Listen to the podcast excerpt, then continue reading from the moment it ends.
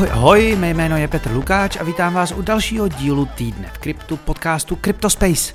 Je pondělí 27. listopadu a vás čeká přehled toho nejdůležitějšího ze světa Bitcoinu, Etheru a dalších. A jako vždy začneme trhy. No a konečně to není taková nuda jako celé jaro, léto a valnou část podzimu.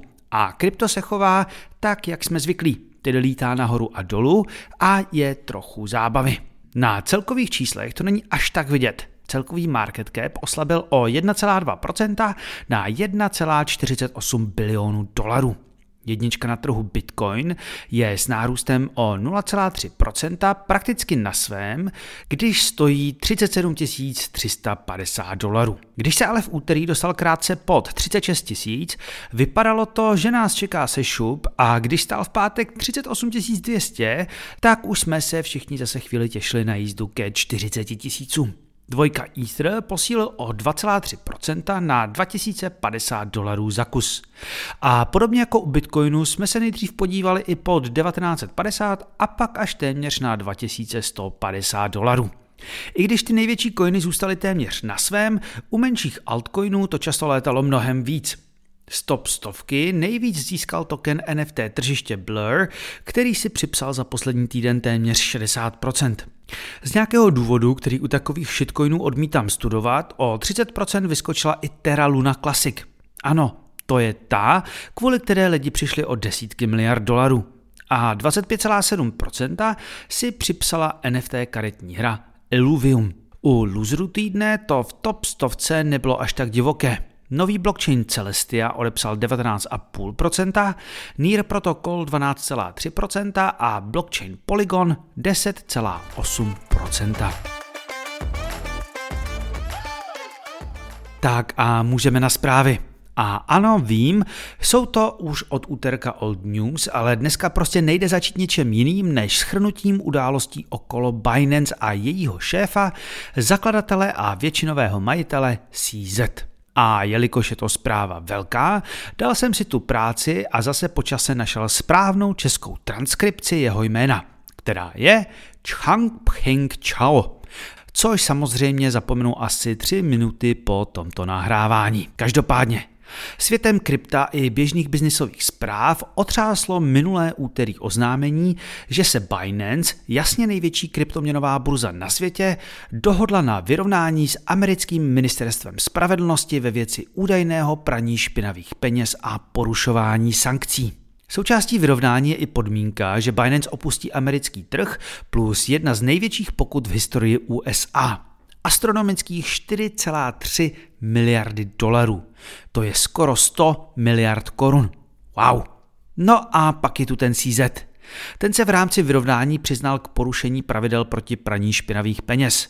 V rámci dohody s americkými úřady zaplatí on sám pokutu 50 milionů dolarů, odejde z vedení firmy a nebude v ní vykonávat žádné funkce minimálně další tři roky. Asi nemá cenu tady chodit do detailů, co a jestli dělala Binance špatně, protože všichni tak nějak tušili, že úplně čistý štít prostě neměla ale je asi nutné i vzhledem k některým lidem z tradičních financí, kteří mě i jiným psali, jak je celé krypto skorumpované, tak tady je nutné postavit velkou zeď mezi to, co prováděla FTX a co dělala Binance. FTX například svého vedení vzala x miliard svých zákazníků a prošustrovala je při degenském gamblování na trhu.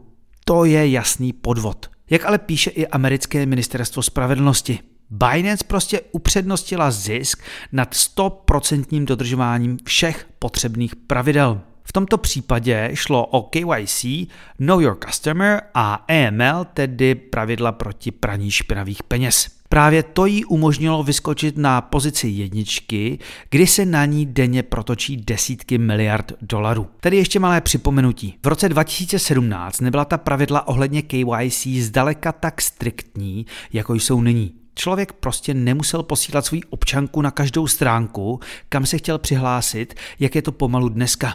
A Binance i později stála před rozhodnutím. Být 100% compliant a safe, nebo naopak pravidla uvolnit eh, a nabrat obrovské množství lidí, kteří by jinak jednoduše šli ke konkurenci. Tímto jejich rozhodnutí vůbec nechci bránit. Americké úřady odhadují, že obchody s lidmi ze sankcionovaných zemí jako Irán a podobně dosáhly minimálně 900 milionů dolarů takže pravděpodobně tyto částky byly ještě mnohonásobně vyšší. Plus její zaměstnanci podle předpisů věděli, že na některých účtech obchodují lidé spojení s Hamásem nebo ruskou mafií. Jen říkám, že to prostě nebylo nic ve stylu Sema Bankmana Frida. To, že Binance pomohla onboardovat miliony a miliony nových lidí a přinesla jim na své platformě nástroje, o kterých dřív jen snili, si uvědomuje i řada lidí z oboru. Je zajímavé sledovat, jak pod příspěvek na Twitteru, kde CZ svůj odchod oznámil, píšou zprávy plné respektu i lidé, kteří na něm ani Binance dřív nenechali nit suchou. A jen na závěr. Tohle vůbec neznamená konec firmy ta už svůj rozjezd zvládla, tu pokutu bez problému přežije, dávno zpřísnila pravidla KYC a AML a snaží se jet co nejvíce podle těchto pravidel. Teď prostě přijde velká obměna, kdy korporátní manažeři nahradí ty z divokého startupového rozjezdu. Firma se otřese ze ztráty amerického trhu, který sice byl důležitý, ale zdaleka ne jediný a pojede dál. No a u burzy ještě zůstaneme. Máme tu totiž dvě další zprávy. Tou první je, že americká komise pro cené papíry SEC žaluje dalšího matadora a jednu z největších burz na světě, společnost Kraken. Nejde ani tak o trestné činy podvodu či praní špinavých peněz jako u Binance, ale opět tu máme klasiku. Kraken údajně v USA fungoval jako burza cených papírů bez potřebné registrace. Součástí žaloby je i seznam 18 kryptoměn, které podle komise splňují definici cených papírů. Mezi údajnými cenými papíry, které se k jmenuje, je už klasicky Cardano, Solana, Matic a další. Chybí tam nicméně Ether, což vyvolalo u některých analytiků volání potom, ať už se sakra SEC s Gary Dobym Genslerem v čele vyjádří, co to tedy je, zda komodita či cený papír. No a asi nepřekvapivě chybí i XRP, což se není asi po neúspěchu komise v soudních přích s Ripplem co divit. E, z žaloby očividně nemělo radost vedení firmy. Kraken e, totiž už během e, začátku roku, kdy komise začala podávat první žaloby, zaplatil 30 milionů dolarů pokutu za provozování stakingu tuto službu také přestal hned nabízet americkým klientům.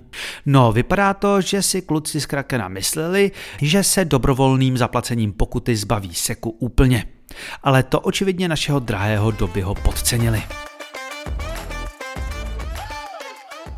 No a na závěr tu ještě přilepím tu slibovanou třetí zprávu, hlavně pro ty, co degenili v roce 2017 a 2018. Tehdy totiž o Binance nikdo moc neslyšel a na otevření účtu u Coinbase jste si mohli počkat klidně půl roku. Když jste si tedy chtěli zatradit nějaké pořádné kraviny a nechtěli jste to dělat úplně na burze, když jste se báli, že vám může každý den zavřít a vy o všechno přijdete, tak jasnou volbou číslo jedna byl Bitrex.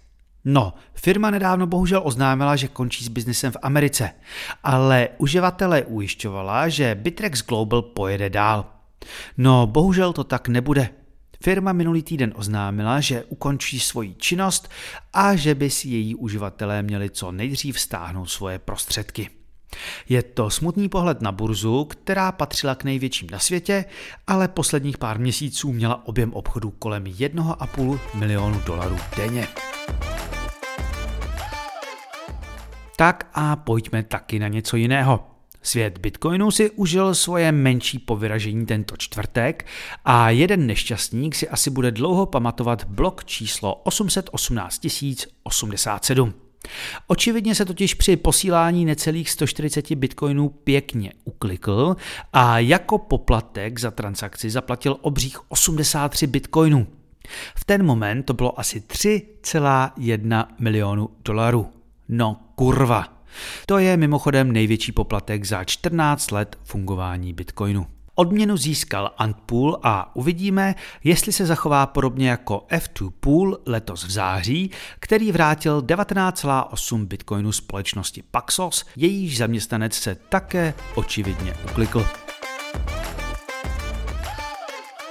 No a opět tu máme hackerský útok týdne tentokrát s menším twistem a vypadá to, že i s relativně dobrým koncem.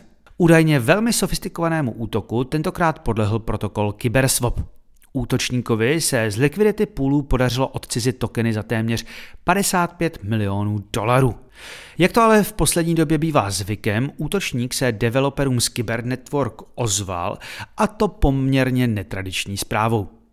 Drazí vývojáři Kyberswapu, zaměstnanci, členové DA a liquidity provideři, vyjednávání začnou za pár hodin, až si pořádně odpočinu. Tomu se každopádně říká mít koule. Ukrát přes miliardu korun a jít se prostě vyspat. Každopádně týmy se mu ozvali a posledních pět dní intenzivně vyjednávali. A podle postu z neděle večer to vypadá, že útočník přistoupil na to, že si ponechá odměnu 10% a zbytek vrátí. K nedělnímu večeru poslal zpět už něco přes 5 milionů dolarů. Tak aspoň, že tak.